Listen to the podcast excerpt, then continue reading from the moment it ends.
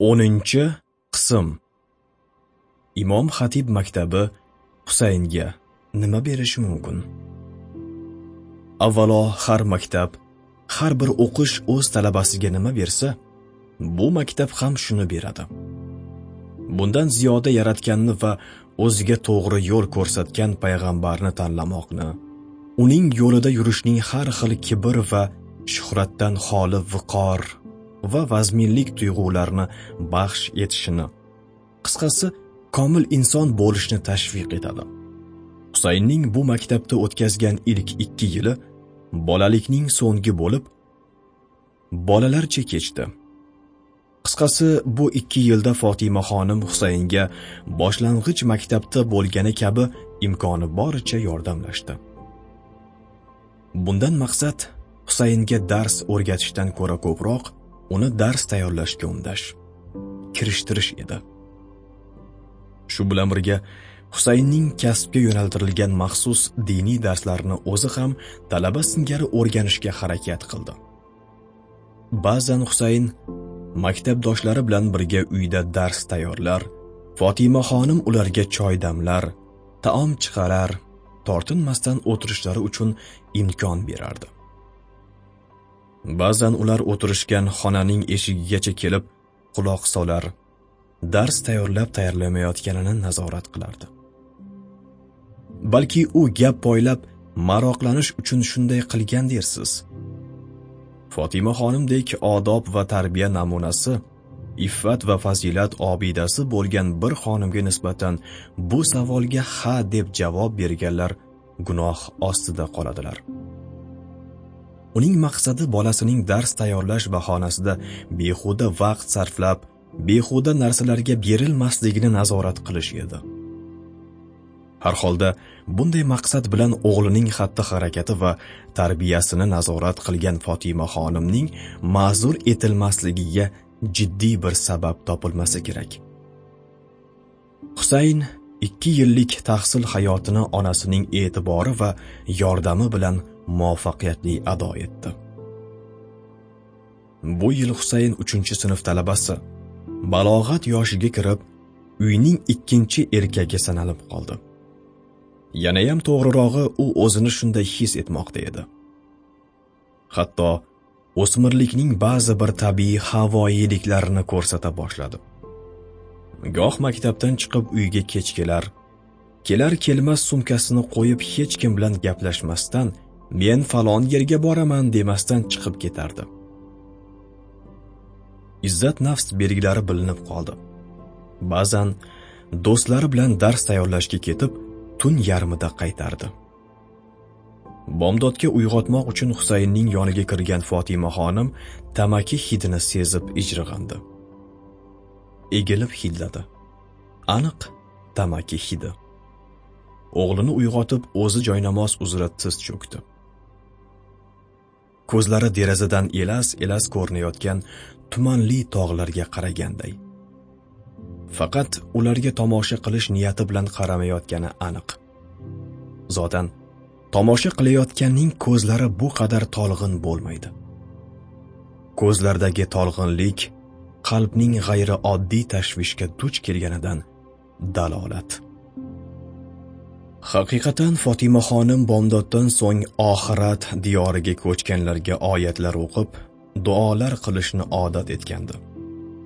Oradan 6-7 daqiqa o'tib ham husayn turavermagach yana uning yoniga bordi. Haligi hit yana uni bezovta va xafa qildi. Husayn qani tur? Namoz o'tib ketyapti. Ona bu kecha kech yotdim. Namozingni o'qib yana yotaverasan. Ko'zlarimni ocholmayapman. Ona yana bir soat ruxsat bering. Bo'lmaydi o'g'lim. Hozir quyosh chiqadi. Namoz uyqudan xayrlidir. So'ngra uning qo'lidan tutib ko'tardi. Husayn haqiqatan uyquga to'ymagandi. Kech yotgandi. Shuningdek onasining turg'azmasdan qo'ymasligini o'z ismini bilgandek aniq bilardi. Bugungacha kun chiqqach bomdodni o'qiganini yoki kun chiqmasdan avval o'qimaganini eslay olmaydi. Namozini o'qidi va yana yotdi. Bir soat o'tib turgach onasining yuzida qayg'u alomatlari ko'ringanday bo'ldi. Tobingiz yo'qmi ona? Yo'q o'g'lim. Xafa ko'rinasiz? Ha xafaman. Nima bo'ldi? Nega xafasiz? Bu gal Fatima xonim so'radi. Qayg'umning sababini bilsang meni qanday xursand qilasan? Kuchim yetgancha sizni xursand etishga harakat qilaman ona. Unday bo'lsa to'g'risini ayt. Meni aldaganing bilan Allohni alday olmaysan shuni bilib to'g'ri gapir. Sendan nega tamaki hidi kelyapti? Nechun gul yuzli bolamdan bu irkanch hidni sezyapman? Javob ber menga. Shu zaqqumni chekdingmi? Yo'q yo'q chekmadim ona unda nega ust boshing bunchalik sasiydi kecha do'stlarim chekishdi. Shuning hidi singandir. Nega chekmanglar demading? Menga nima ona? Menga quloq solisharmidi? Unda to'g'ri so'zingga quloq solmaydiganlar bilan nega do'st bo'lasan? Tozaroq to'g'riroqlar bilan do'stlasha olmaysanmi? Senga to'g'ri yo'lni ko'rsatadigan sen to'g'risini aytganingda qabul qiladigan do'stlaring nega yo'q? Haqli so'zingga e'tiroz etsalar nechun tark etmaysan ularni? Bu so'zlar husaynning bardoshini nuratdi hissiyotini ranjitdi. Tark etib bo'ladimi ona? Tark etsam xafa bo'lmaydilarmi? Do'stlarni xafa qilish to'g'rimi? Yaxshi. Onani xafa qilish to'g'riligini qaysi kitobda o'qiding? Ona seni ezgulikka da'vat etarkan do'stlarimni ranjitmay deb onani xafa qilsang Alloh rozi bo'larmikan? Senga sigaret chektirib yoki sening yoningda chekishdan boshqa hunari yo'q senga insonlikni unuttiradigan onaga bosh ko'tartiradigan oshnani lo'lilarning orasidan ham topa olasan. Ammo sen uchun kecha kunduz duolar qilgan sendan ziyoda tushunishga o'ylashga harakat qiladigan onani taxminimcha topishing mushkul. Fotima xonim husaynga ko'zlarini yaxshiroq tikib so'zlari ta'siriga tortmoqni istaganday bo'lib davom etdi. Seni haq yo'lga yo'llaydigan do'st top. Men uning qo'llarini o'paman. Oyoqlarining changini silayman. Faqat chekadigan ertaga boshingga balo boshlab keladiganlarni og'aynim jo'ram deb menga gapirma o'g'lim. Bu mavzu shu yerda yopildi. Husayn onasiga javob bermadi. Maktabga ketdi. Husaynning tengqurlari haqiqatan ham yomon bolalarmidi?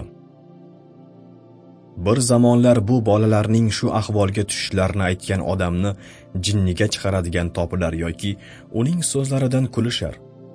Bu pokiza go'daklar haqida bunday o'ylagani uchun masxara qilishardi. Ammo oradan o'tgan bir ikki yilda ular juda o'zgardi.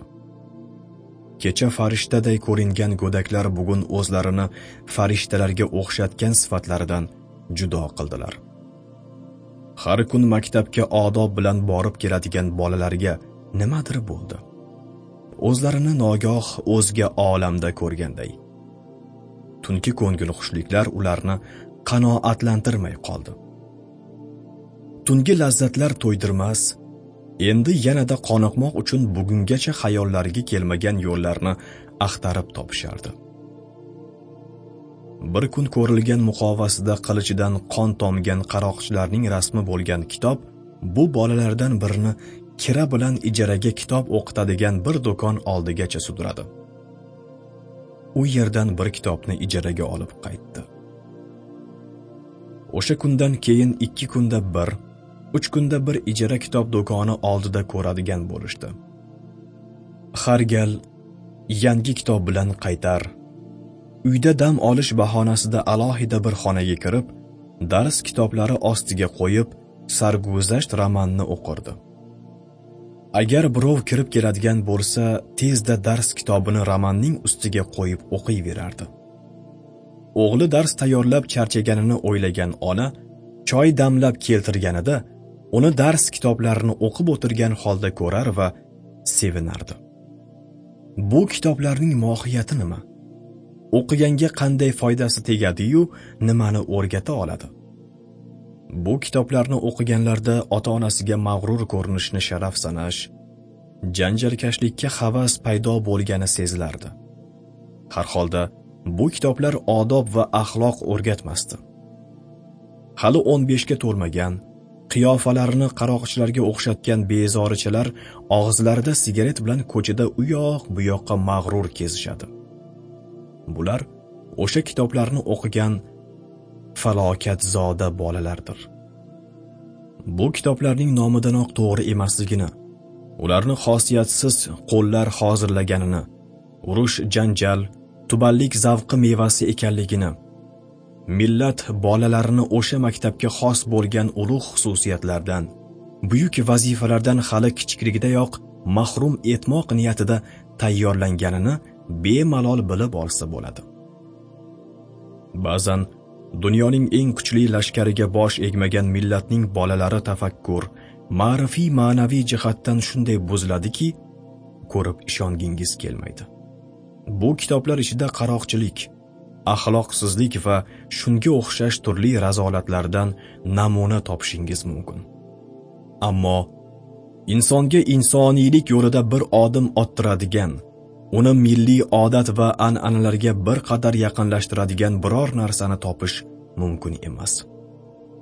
Otalar bolam quvonsin deya olib kelgan bu kitoblar o'zlariga qarshi bolalari qo'liga tutqizilgan to'pponchilardir. Balki to'plardir. Endi ko'chalarini shu kitoblarga taqlidan bir biriga to'pponcha bilan hujum qilgan kovboylar niqoblangan qaroqchilar tuta boshlaydi. Bular erta dorilfununda bilim oladigan bo'lsalar o'sha bilimni yaxshigina shaklda talonchilikda qo'llay oladigan badbaxt va zavolli bolalardir. Bu bolalarga shu taqlid kinolar nazariy jihatdan yordam beradilar va axloqsizlik jihatini yana to'ldiradi va quvvatlaydi. Bunga beparvo ota onalar bir kun haqiqiy ulkan sovuq qurol zavqini tatib ko'rishlari aniq. Bu bolalar uchun ko'cha. Odobsiz so'zlar dorilfununi faqat u yerda o'qish yozishni o'rganmaydilar. Ikki kun o'tgach boshlang'ich maktabda o'rgangan harflaridan foydalanib ko'chada o'rgangan faxsh so'zlarini hojatxonalarning devorlariga yozadilar. U yerlarni kufrlarga to'ldirib bezash ularga zavq beradi. Husaynning do'stlari tamomila o'zlarini yo'qotgan yoshlik savdosiga sho'ng'ib mutlaqo beboshlik daryosida suzib ketadiganlardan emas yoki hali bu holga yetib kelganlaricha yo'q. Faqat shu ahvolga yetib kelish uchun bo'l bo'l qilishib suhbatlashishar chekishar muallimlarni tanqid va mazax qilish bilan mashg'ul bo'lishar ammo bu ishlarni asosan maktabdan uzoqda qilishardi. O'sha tun husayn chekmadi. Taklifni qabul qilmadi. Oralarida qaranglar uning og'zi sasib qolarmish deb masxara qilganlar bo'ldi. Zo'rlab chektirmoqchi bo'lganlar bo'ldi. Qo'llaridan kelmadi. Husaynning jig'iga tegishdi. Uni mazax qilib ko'ngil ochmoqchi bo'lardilar. O'zlarini katta olishib uni bola ko'rardilar. Yigitchilik degani ayollarga o'xshab chekmasdan o'tirish emas deyishardi. Husayn turib ketay desa ortidan gap qilishadi. Qolaversa bu mutlaqo bolalarcha harakat bo'lardi. Shuning uchun vaziyatni ko'ngilsiz tarafga burmadi sabr etdi. Husayn onasi bilan bo'lib o'tgan azondagi ko'ngilsiz suhbatdan so'ng ming bir o'ylar bilan maktabga keldi. Birinchi soat adabiyot darsi edi. Qora o'g'lonning she'rlarini o'qishardi. Husayn oxiridan ikkinchi qit'aga diqqat qildi munozara qilayotganlar tinchlanmas va tinglashmasdi. Murodim so'zlamoq bunda nasihat sizga munosibdir tinglamoq faqat. Mehribon bo'lganga ko'rsatma zahmat sevganning so'zidan kechguvchi bo'lma. Termani baytma bayt izohlayotgan sinfdoshlarning so'zlarini eshitmasdi. Yoshiga munosib bu she'r unga qattiq ta'sir qildi. Mehribon bo'lganga ko'rsatma zahmat sevganning so'zidan kechguvchi bo'lma. Bayti unga kechasi kechgan totsiz hodisalarni eslatdi. Og'aynilarni oddiy tamaki chekish uchun ranjitganini o'yladi. Ikki tortim tamaki uchun ham do'stlarining ko'nglini qoldiradimi kishi? To'g'risi husayn o'g'il bolaga munosib ish qilmadi va nihoyat bir chekishdan bir balo bo'lmasdi. Ularning ham dili og'rimasdi. Inson do'sti uchun zahar yutadi-ku. Masxara bo'lganichi o'sha ondan e'tiboran o'tgan bir yarim soatlik ko'ngilsiz vaqtni o'ziga qaratilgan qochirimlarni o'yladi. Bunga birgina chekishni deb o'zi sababchi bo'lganini tan oldi. Yarashmagan qiliq edi bu. Tom ma'nosi bilan xomlik qildi. O'rtada tuzatilishi kerak bo'lgan xato turardi. Bu xatoni tan olib tengdoshlaridan kechirim so'rash kerak. Muallim husayn shu so'nggi baytni sen izohla deyishi bilan o'ylari tarqab ketdi. O'rnidan turdi va so'nggi baytni o'qidi. Seni har davrada hijolat qilar yomonlar izidan ko'chguvchi bo'lma. Husaynning miyasida chaqmoq chaqnagandek bo'ldi. Avvalgi va keyingi baytlar orasidagi bog'lanishdan esankiradi yutindi va boshini ko'tardi. Ustoz bu baytda qoracha o'g'lon yomon axloqsiz kimsalar bilan do'st bo'lmaslikni nasihat qilmoqda. Bunday do'stlik natijasida tarbiyamiz buzilib yomon odatlar o'rganishimizni yig'in va majlislarda uyaladigan holga tushishimizni eslatmoqda. Bunday davradoshlar orasidagi harakatlar so'zlar do'st sifatida albatta bizni uyaltiradi. Ularning oshnosi bo'lganimiz uchun odamlar nazaridan qolamiz qimmatsiz insonga aylanamiz. Yaxshi husayn. Oldingi baytlarga nima deysan? Mehribon bo'lganga ko'rsatma zahmat sevganning so'zidan kechguvchi bo'lma. Bizga do'stlik mehribonlik qilgan bizni yaxshi ko'rgan kimsalarni nima qilamiz? Ularni tark etsak sevganimizning so'ziga quloq solguvchi bo'lamizmi? Husayn bir ikki lahza o'ylab javob berdi. Ustoz yaxshi ko'rganning so'ziga quloq solmaslik bajarmaslik insoniylikdan emas do'stlikka xiyonat. Faqat bu misrada kelgan sevgili so'ziga alohida e'tibor qilmoq kerak deb o'ylayman. Sevgili ya'ni mehribon degani o'z manfaati uchun g'ayri shar'iy ishlarga boshlaguvchi degani emas. Zero bunday odamni mehribon yaxshi ko'rguvchi deb bo'lmaydi. Aslida bizning axloqiy saviyamizni tushiradigan do'st bizni sevmaydi. Yaxshi ko'rgan suyuklisiga yaxshi bo'lishni istaydi. Qanday inson o'zi uchun qimmatli bo'lgan kishini noo'ng'ay uyaladigan holga keltiradi? Do'stini yaxshi ko'rgan odam uni uyaltiradigan holga tushirmaydi balki bunday holda bo'lsa qutqarishga harakat qiladi. Do'st yuziga loy chaplash emas uning yuzidagi g'uborni artish bizning vazifamiz emasmi? Bizni haq yo'ldan chalg'itib yomonlikka boshlaydigan do'stni har doim hatto lo'lilar orasidan ham topa olishimiz mumkin.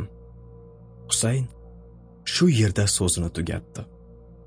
Tugatdi emas onasidan eshitgan jumlani gapira olmay uning farishtaday sof nurli yuziga ro'baro kelgandek jim qoldi. Balki davom etardi. Jim qolganini so'zini tugatdi deb o'ylagan o'qituvchi tashakkur aytdi. Husayn o'tirdi. Keyingi soat axloq darsi edi. Mavzu ota ona oldidagi burch axloqiy vazifa. O'qituvchi bir hadisi sharif o'qidi. Jannat onalar oyog'i ostidadir. So'ng sinfga murojaat qilib birgalikda hadisni izohlashni topshirdi. Usmon bu hadisni qanday tushunasan? Masalan bu onalar oyoq bosgan joyda jannat bor deganimi? Ustoz jannat onalar oyog'i ostida degani jannatga ularning oyoqlari ostiga poyandoz bo'lar darajada hurmat va xizmat etish bilan kiriladi deganidir. Shu qadarki ularga hurmatdan inson bir narsa yo'qotmaydi. Aksincha Alloh huzurida hurmati ortadi. Xizmatiga yarasha jannatga yaqinlashadi. Bu aslida bir misol. Ona rozi qilinmaguncha jannatga kirishga yo'l yo'q ma'nosidadir. Husayn do'stini tinglarkan ertalab onasi bilan bo'lib o'tgan ko'ngilsiz suhbatni esladi. Oldingi darsda do'st haqida o'zi aytgan so'zlari xayolidan o'tdi. Vijdoni o'zini haqsizga chiqardi. Onasi aytgan haqli so'zlarga e'tiroz bildirganini yana bir bora angladi.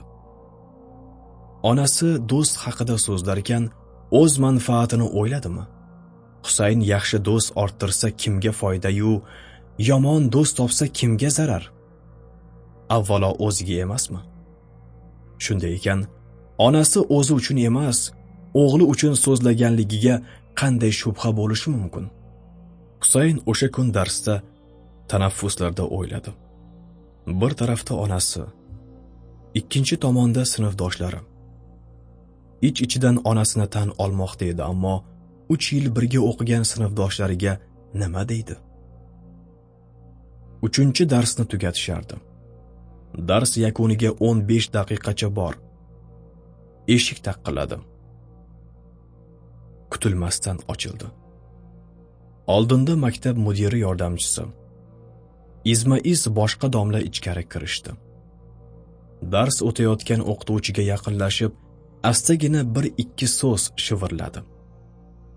O'qituvchi boshi bilan tasdiq ishorasi qildi. Mudir yordamchisi sinfga murojaat qildi. Bolalar turinglar! So'ng. Hamma qo'lini boshiga qo'ysin deb buyurdi. Tintuv o'tkazishmoqchi ekanligi ma'lum bo'ldi. Husayn hayratlandi. Oqshom chekkan sinfdoshlarining illatlari ochilmoqda edi. Ko'zining yoni bilan ularga qaradi. Ranglarida tuslarida o'zgarish hayajon sezilmadi balki yonlarida yo'qdir deb o'yladi. Ayni paytda o'zi g'oyatda hayajonda edi. Tekshirish boshlandi. Uchalasi barobar izlashardi. Navbat chekadigan o'rtog'iga kelganda husaynga bir narsa bo'ladigandek yuragi tez tez urib ketdi. Hayajonlandi. Haqiqatan uning orqa cho'ntagidan tamaki qutisi olinib oldiga qo'yilganda husayn uyalib boshini egdi. O'rtog'ichi uyaldimi? Aslo. Na uyaldi na hayajonlandi. O'zini xuddi cho'ntagidan qo'rg'oshin qalam yoki kundalik daftar topilgandek tutardi. Ertug'on bu nima? Sigaret janob. Yaxshi bu holingdan xijolat chekmayapsanmi? Uyalmaysanmi? Tamaki otamniki. Uyda unutib qoldiribdi. Tushki dam olishda eltib bermoqchiman. Agar uyalish kerak bo'lsa otam uyalish kerak. Shu javob bilan ish bitdimi? Albatta yo'q. Tartib intizom majlisida masala ko'rilib hal etiladi diqqatga sazovor jihati shundaki berilgan javob oldida husayn qip qizarib ketdi. O'rtog'ida topilishi shart bo'lgan to'g'rilik va hayo tuyg'ularining yo'qligi qizartirdi uni. Ertug'on sigaret otasinikiligini aytganda boshini burib qaradi. Parta ustida turgan tamaki qutisi kechagi tungi xotiralarni uyg'otdi. Tanaffusga chiqqanlarida husayn unga yaqinlashdi. Nega sigaret otamniki? deding ertug'on Erdo'g'on husaynni esli hushli ko'rishni istagandek achinib qaradi. Go'daksan husayn! dedi va ketdi. Izma iz kelgan bu voqealar go'yo til biriktirib husaynni onasidan uzr so'ratish uchun sodir bo'lganday. Erdo'g'ondan to'g'ri gapirmaganining sababini so'raganda bergan javobi yaraga sepilgan qalampir bo'ldi. Husayn uni bugungacha yaxshi bilmagani u va unga o'xshaganlar bilan do'st bo'lgani uchun uyaldi. Bu do'st husaynni majlislarda uyaltirishi axloqiy buzuq yo'llarga yo'llashi mumkin. Tutiladigan eng to'g'ri yo'l to'g'rilikdan qayrilganni to'g'ri yo'lga keltirmoq. Hech qachon kim bilandir do'stlashish majburiyat bo'lmagan. U yoki bu kimsa bilan do'stlashish yoki do'stlashmaslik tavsiya etilishi mumkin xolos. Husayn ham ertug'on bilan do'st bo'lishga majbur emasdi. Shuni anglagan holda uni tark etishga qaror qildi. Ertug'onning xatolari tufayli maktabdan haydalishi bu qarorning xato emasligiga dalil bo'ldi. O'sha kun tushdan keyin bog'da suhbatlashayotgan do'stlari yonidan o'tarkan eshitilgan bir ikki so'z uni to'xtab tinglashga majbur etdi. Ikki sinfdoshi bahslashar besh olti sinfdoshi tinglashardi. Yozma imtihonda nusxa shpargalkadan foydalanish to'g'risida so'z borardi. Ikki do'stining biri nusxa talabaning haqqidir derdi. Kim nima desa desin meni fikrimdan qaytara olmaydi o'zlaringiz uddalay olmagach tarbiyasizlikdan lof urasiz. Tulki quyruqqa yetolmagach puf sassiq derkan. Degan otalarimizning tiliga shakar eplasang bu gaplarni aytib o'tirmasding. Ikkinchisi javob berdi. Bunday qilmasligimiz bu ishni noto'g'ri chirkin bir harakat deb bilganimizdandir. Ha biz bu ishni qilmaymiz chunki odobimiz tarbiyamiz bunga yo'l qo'ymaydi. Uyingizda o'tirib dars qilishga kuchingiz yetmaydi. Sabr qila olmaysiz. Yalqovlikka ishlamasdan charchamasdan dam olishni ko'ngil ochishni istagan nafsingizga hokim bo'la olmaysiz. Natijada haqqingiz bo'lmagan nusxa ko'chirishga ya'ni noto'g'ri ishga qo'l urasiz. Bu ishni ham talabaning zarurati ehtiyoji deb qabul qilasiz. Ehtiyoj ilm zarurat bilmoqdir. Qo'shni do'kondan mol o'marib olib sotib pul topgan va yonidagi sinfdoshining bilimi bilan baho olgan ikki kishining orasida qanday farq bor? Balki bir kun kelib qo'shnining molini o'g'irlash yomonligi to'g'risida millatga nasihat qilarsiz? Boshqasi gapga suqildi. Xo'p, sen shu qadar to'g'rilik bilan nimaga erishding? Kecha jug'rofiyadan to'rt olgan zoti oliylari o'zlarimidi? Olishim mumkin. Men uchun hiyla bilan o'n olgandan to'g'rilikcha to'rt olish xayrlidir. Haqiqatan qimor o'g'irlik riyokorlik bilan millionlar topmasdan to'g'rilik peshona teri bilan ozroq pul topgan va yaxshiligiga ko'ngil xotirjamligini dalil keltiruvchi qanchalab vijdonli odamlar bor? Ko'z bo'yamachilik qilma. Ko'zbo'yamachilik qilayotganim yo'q. Ko'zbo'yamachilik dalil bo'lmasligi aniq narsani dalil qilib ko'rsatishdir. Men shunday qildimmi? Shunday dedimmi? Ularning yuzlariga bir lahza tikilgach davom etdi. Do'stlar o'z bilimi bilan imtihondan o'tishning shunday huzur va zavqi borki bu halovatni ko'chirmakashlar bilmaydi. Sen o'zing hech nusxa ko'chirganmisan? Nusxadan foydalanganmisan? Yo'q. Unday bo'lsa sen ham buning zavqu hayajonini bilmaysan. Men o'sha zavqu hayajonni bilaman birovning molini o'marayotgan o'marganini yeyotgan o'g'ri shunday hayajonlanadi. Aynan shunday zavqlanadi. Faqat bu zavqu hayajonni halol deb da'vo qila olmaysiz. Eshiting misol keltirayin bir odam o'g'liga bugun bir lira topib keltir debdi. O'g'li xo'p bo'ladi deb onasidan olib kechasi otasiga keltirib beribdi. Otasi pulni derazadan uloqtiribdi. Ertaga yana keltir debdi. O'g'li ikkinchi kun yana onasidan olib keltirgan pulning uloqtirishni jimgina kuzatibdi. Keyingi kuni haligi kishi xotiniga pul bermaslikni tayinlabdi. Uchinchi kun mehnat qilib topishdan boshqa iloji qolmagan o'g'il keltirgan pulni uloqtirmoqchi bo'layotgan otasining bilagidan tutib nima qilyapsiz ota? Men bu lira uchun oqshomgacha zahmat chekdim. Bundan xabaringiz bormi? debdi. Mening bu hikoyaga qo'shimcham yo'q. Har kim xohlaganini tushunsin istagan ma'nosini olsin. Tinglayotganlardan biri shunaqasi ham bo'lar ekanmi? Deb e'tiroz qildi boshqasi chidab tura olmadi.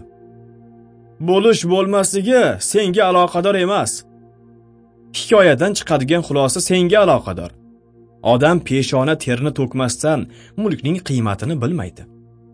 Mashaqqat bilan topganini qadrlaydi degan xulosa chiqarish darkor. Bu savol berilayotganda husayn miyig'ida kulib qo'ydi.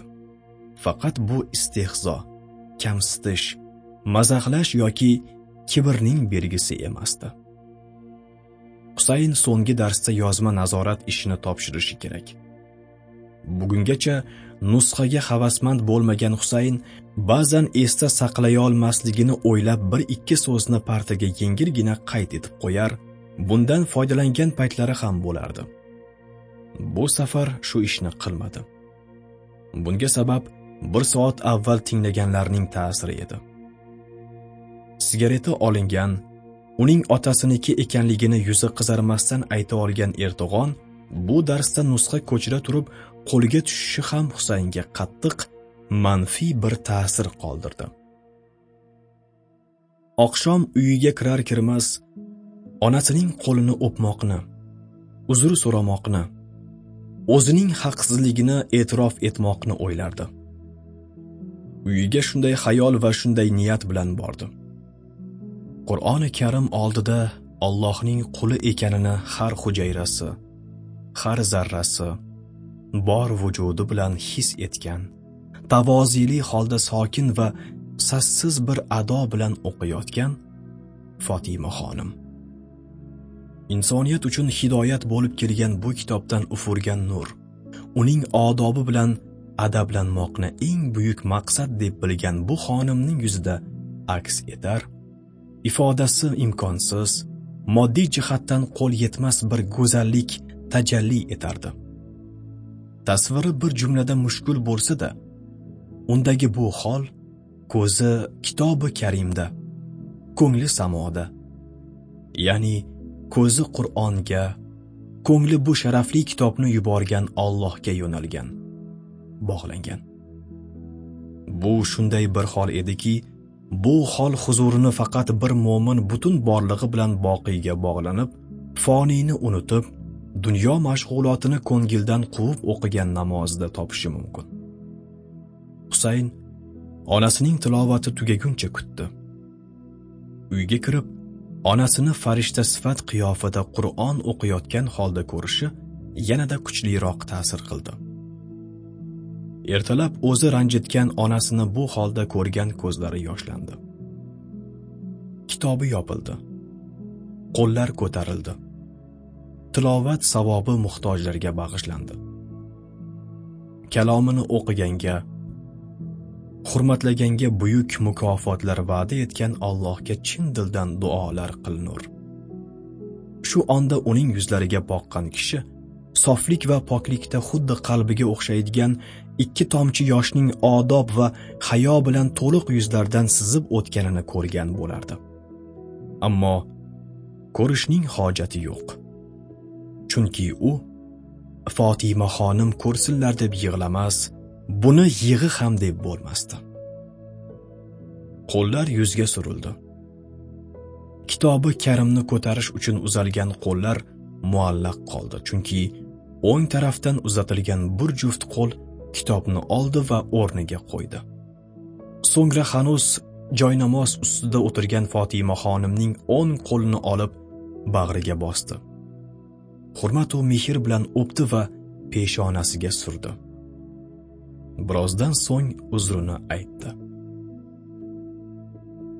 Ona meni shu kitobi karim hurmati avf eting. So'ng onasining oyoqlarini quchdi. To'xtatmoqchi bo'lgan ona navbatdagi yolvorishni eshitdi. Onajon ruxsat bering bir bor yuzlarimni surayin ertalab onasiga isyon bilan qaragan yuz payg'ambar ifodasi ostida jannat bo'lgan ona oyog'iga surilmoqla yuklandi. Fotimaxonim o'g'lini turg'azdi. Ko'zlaridan o'pib bag'riga bosdi. Charog'im to'g'ri halol. Pokiza insonlarga oshnolik qilsang deyman. Bir dona husaynimdan gul yuzli bolamdan o'sha zaqqumning hidi kelmasa deyman. Husayn o'sha kungi hodisalarni bir bir naql etgach ona so'z beraman. Hayotda yolg'iz qolsamda meni haq yo'ldan ayiradigan bilan do'st bo'lmayman. Sizning do'stligingiz menga yetarli. Dedi. Oradan ikki haftacha vaqt o'tdi. Ko'kda yer yuziga yengil va mayin yomg'ir donalarini yo'llashga loyiq bulutlar paydo bo'ldi. Quyosh goho ko'rinib atrofni ilitar faqat bu orada o'rtaga tushgan va quyosh nurlarini to'sgan bir bulut fuqaroga sadaqa qabilida bir necha lahzalik yomg'ir sepalar so'ngra shoshiladigan joyi yo'q yo'lovchiday og'ir vazmin uzoqlashardi. O'sha kun bir necha do'stlari bilan aylanishga chiqqan husayn sekin sekin kinoxonaga yaqinlashganlarini bilmay qoldi. Jo'ralaridan birining bugun kinoga tushaylik degan taklifini hammalari tasdiqlashdi. Yoshlar shunaqa ko'pincha qilayotgan ishlarini oldin o'ylab ko'rishmaydi. Ular oldin hayollariga kelganini qiladilar. So'ng o'ylashni boshlaydilar. Lekin husaynga ham aynan shunday ta'rif berish haqsizlik bo'lardi chunki chipta olmasdan avval kirsammi kirmasammi deb bir muddat taraddudlandi. So'ngra bundan ham bir ibrat olarman deya chipta oldi. Hali 15 daqiqa bor. Har kim yonidagi bilan suhbatlashar. Atrofdan kelgan ovozlar birlashib yuksalar gaplar eshitilmas. Shuning uchun yonidagi suhbatdoshga biroz ovozni ko'tarib gapirishga to'g'ri kelardi. Husayn maktabga kelgan vaqtlarda kinoning noxush holatlariga unchalik tobu toqati yo'q edi. Avval o'zi bilan biron kitob olmaganiga ranjiganday bo'ldi. 15 daqiqa o'qirdim deb o'yladi. Vaqtni behuda o'tkazishni xushlamadi masalan muallim kelmagan bo'sh darslarni o'rtoqlari behuda o'tkazsa husayn o'qituvchi kelib qolsa qanday javob beraman qabilida ish tutib shunga asosan o'qib o'rganib o'tirardi. Tan olish kerakki uning bu xususiyatida o'z qobiliyati bilan birga onasining ham katta hissasi bor. Maktabga borib kelarkan fursat bo'lgan taqdirda xayolida darslarni tahlil qilishni bu orada ixlos surasini uch fotiha surasini bir karra o'qib rahmatli xolasiga bag'ishlashni odatlantirgan ham onasidir. Aytishlariga qaraganda husaynga xolasining ko'p mehnati singan. Kichikligida onasidan ko'proq xolasi qaragan. Ismi xayriya.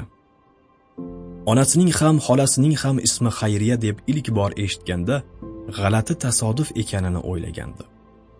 Keyin onasidan so'raganda fotimaxonim o'g'lim mening otim ham xayriya. Ammo ko'ryapsanki ko'pincha meni fotima deb chaqirishadi. Oldinlari hammaga ikkita ism qo'yishardi. Otam xayriya ismini juda yaxshi ko'rganlaridan meni ham uni ham xayriya degan. Sen endi bu gapni qo'yda maktabga borib kelguncha xolangga bag'ishlab o'qishni unutma. Ham vazifangni o'tagin. Ham borib kelguncha vaqtni behuda ketkazmagan bo'lasan degandi. Endi husayn bularni tushunadi. Shuning uchun bu yerdagi bo'sh vaqtning qadriga yetyapti. Biroz o'tib bu g'ashligi o'rinsizligini angladi. Chunki bu g'alag'ovur ichida o'qigani bilan tushunmasdi. Atrofda suhbatlashayotganlarning harakatlari umuman olganda durust holat emas. To'g'rirog'i husaynning fikricha bular aql va mantiq tarozisiga tortib ko'rilsa natija noxush. Suhbatlashayotganlarning fikricha esa aksincha suhbatlari zaruriydir. Kamdan kam kishilargina behuda foydasiz gaplashayotganligini anglashga qodir. Ularning ichidan kamdan kamlargina bunday foydasiz so'zlashdan ko'ra sukutni afzal bilishadi. Quloqlarni garang qilgudek g'alag'ovur orasida kuchli hayajon bilan gaplashayotgan orqa qatordagi ikki yoshdan biri bundan oldingi filmga ikki marta tushganini va falon artistning shohona roli bo'lganligi sababli yana bir marta tushishiga ham tayyor ekanligini so'zlar edi. Qaysidir artistning allaqaysi qo'shiqchi bilan don olishishi endi hech kimdan yashirib bo'lmaydigan holga kelgan go'yoki ikkisining o'rtasida yangi bir ishq mojarosi boshlanganmish. Hatto yaqinda farzandli bo'lishlari kutilayotganligi haqida xabarlar tarqatildi. Falon artist askarlikka ketayotganmish. Ajabo askarlikda ham unga o'z kasbiga aloqador biron vazifa berilarmikan? Agar shunday yo'l tutishsa ayni muddao bo'lardi chunki ham san'atkor san'atini rivojlantiradi ham bu bilan askarlarda jangovar ruh uyg'otib qo'shinga katta yordam berardi shu kabi og'iz charchatishdan boshqa sifati bo'lmagan so'zlar qatori va ora sira bu yerda yozishimizga odob tamoyillari yo'l qo'ymaydigan kalomlar eshitiladi. Husaynning fikricha bu tarzda vaqt o'tkazish odob va mas'uliyat tuyg'usining yetishmasligi va yoki umuman mavjud emasligi bilangina izohlanishi mumkin. Bu so'zlardan kimga qanday foyda bor yoki ular aytilmay qolgan taqdirda ko'riladigan zarar nechog'li atrofda endigina 15 yoshni qarshilagan oliftachilar seltanglab yurar yo'tala yo'tala yoqilgan sigaretalarni chekishga harakat qilardilar. Qo'llari bilan og'zini berkitishlari tamakining o'ta achchiq ekanini va shu sabab yo'talayotganlarini anglatardi. Bu orada parda ochildi. Uch marotaba yangragan ogohlantiruvchi qo'ng'iroqdan so'ng film boshlandi. Namoyishdan oldin ko'rsatiladigan filmlardan parchalar taqdim etilardi. Ularda aks etgan sharmandali bir sahna ko'rinishi tomoshabinlarning yuraklaridan qaynab chiqqan inqillash yuksalishiga yanada kuchayib hayvoniy xirillashga o'xshagan hayajonli ovozlarning chiqishiga sabab bo'ldi. Hushtak chalganlar hatto o'zini tutolmasdan bor ovozda na'ra tortganlar ham yo'q emasdi. Bunday filmlarni ko'rgandan so'ng yoshlikning qanday mahv etilishini iffat va nomus tuyg'ularining qay tarzda ildizlardan ayrilganini anglamoq uchun ho'kizning aqli ham kifoya qiladi. Asosiy film boshlandi. Uning ham ko'rsatilgan parchalardan farqi yo'q edi. Husayn haftaning 2-3 kunini kinoteatrda o'tkazadiganlar sirasiga mansub emasligi uchun film texnikasi haqida aytadigan gapi yo'q. Uning odobi esa o'zi bilmaydigan sohada so'z aytishiga to'sqinlik qilardi. Faqat o'z sohasidan kelib chiqib bir ikki og'iz so'z bilan bahsga aralashishga ham kishining haddi sig'maydi. Bunday filmlar axloqsiz odobu tarbiyasiz kimsalar uchun ko'ngil ochish vositasi bo'lishi mumkin. Lekin bular husayn kabi oila tarbiyasi va imom xatib maktabi tahsilini o'zaro uyg'unlashtirgan yuragi yaxshi bir inson sharafli bir musulmon bo'lish orzusi bilan urgan o'spiringa ko'ngilxushlik vositasi bo'lishi qiyin. Bu filmlar adab va hayo yo'lidan uzoqlashtirishi va darslardan chalg'itishi mumkin. Husaynning bu filmdan olgan yolg'iz sabog'i boshqa qaytib bunday filmlarga kelmaslik va vaqtni zoya ketkazmaslik bo'ldi. Bu razolatni tomosha qilish uchun ketgan pulchi. Bu pulga bir faqir tushlik qilishi mumkin edi. Filmni yarmida tark etmoqchi ham bo'ldi ammo o'rtoqlari bilan filmni tanqid qilish uchun kutdi. Sabr qildi. Qolaversa bir necha kishini kino kasalligidan qutqarish ham yomon ish emasdi. Lekin butun turkiyada har 200 mingdan ziyod kishi vaqtini kinoda o'tkazishi nazarda tutilsa husaynning o'rtoqlariga qiladigan yaxshiligi dengizdan tomchi deyish mumkin. Shuncha odamni kinodan qaytarish xayoliy bir gap edi. Yoshlikning go'yoki sel kabi kinoxonalarni maydonlarni to'ldiradigan bu davrda mazkur maqsad yo'lida urinishlar suvdan yog' chiqazishga urinishdek bir gap edi. Qaniydi aqlli va o'ziga to'q musulmonlarning bir guruhi din diniy va axloqiy mavzularda film ishlab chiqaradigan shirkat tuzsalar ko'pchiligi masjidga faqat o'lganida bir necha kishining yelkasida ziyorat qilish uchun birinchi va so'nggi marta keladigan bu kishilarga kinoteatrlarda ko'rsatiladigan filmlar orqali din va axloq tuyg'usini yaxshiroq yuqtirish mumkin. Bunday yo'l tutish qayoqqa ketayotganini o'zi ham bilmaydigan ko'plab yoshlarga yo'l ko'rsatgan va ularni halokatdan qutqargan bo'lardi. Chiqqach film ta'siri bilan suhbatlashgan do'stlarning hayajoni bosildi. Husayn tengdoshlari bemalol tinglashiga ko'zi yetgach so'z boshladi va fikrlarini anglatdi. Tinglayotganlar qatorida yuzda mamnuniyat aks etganlar bor edi.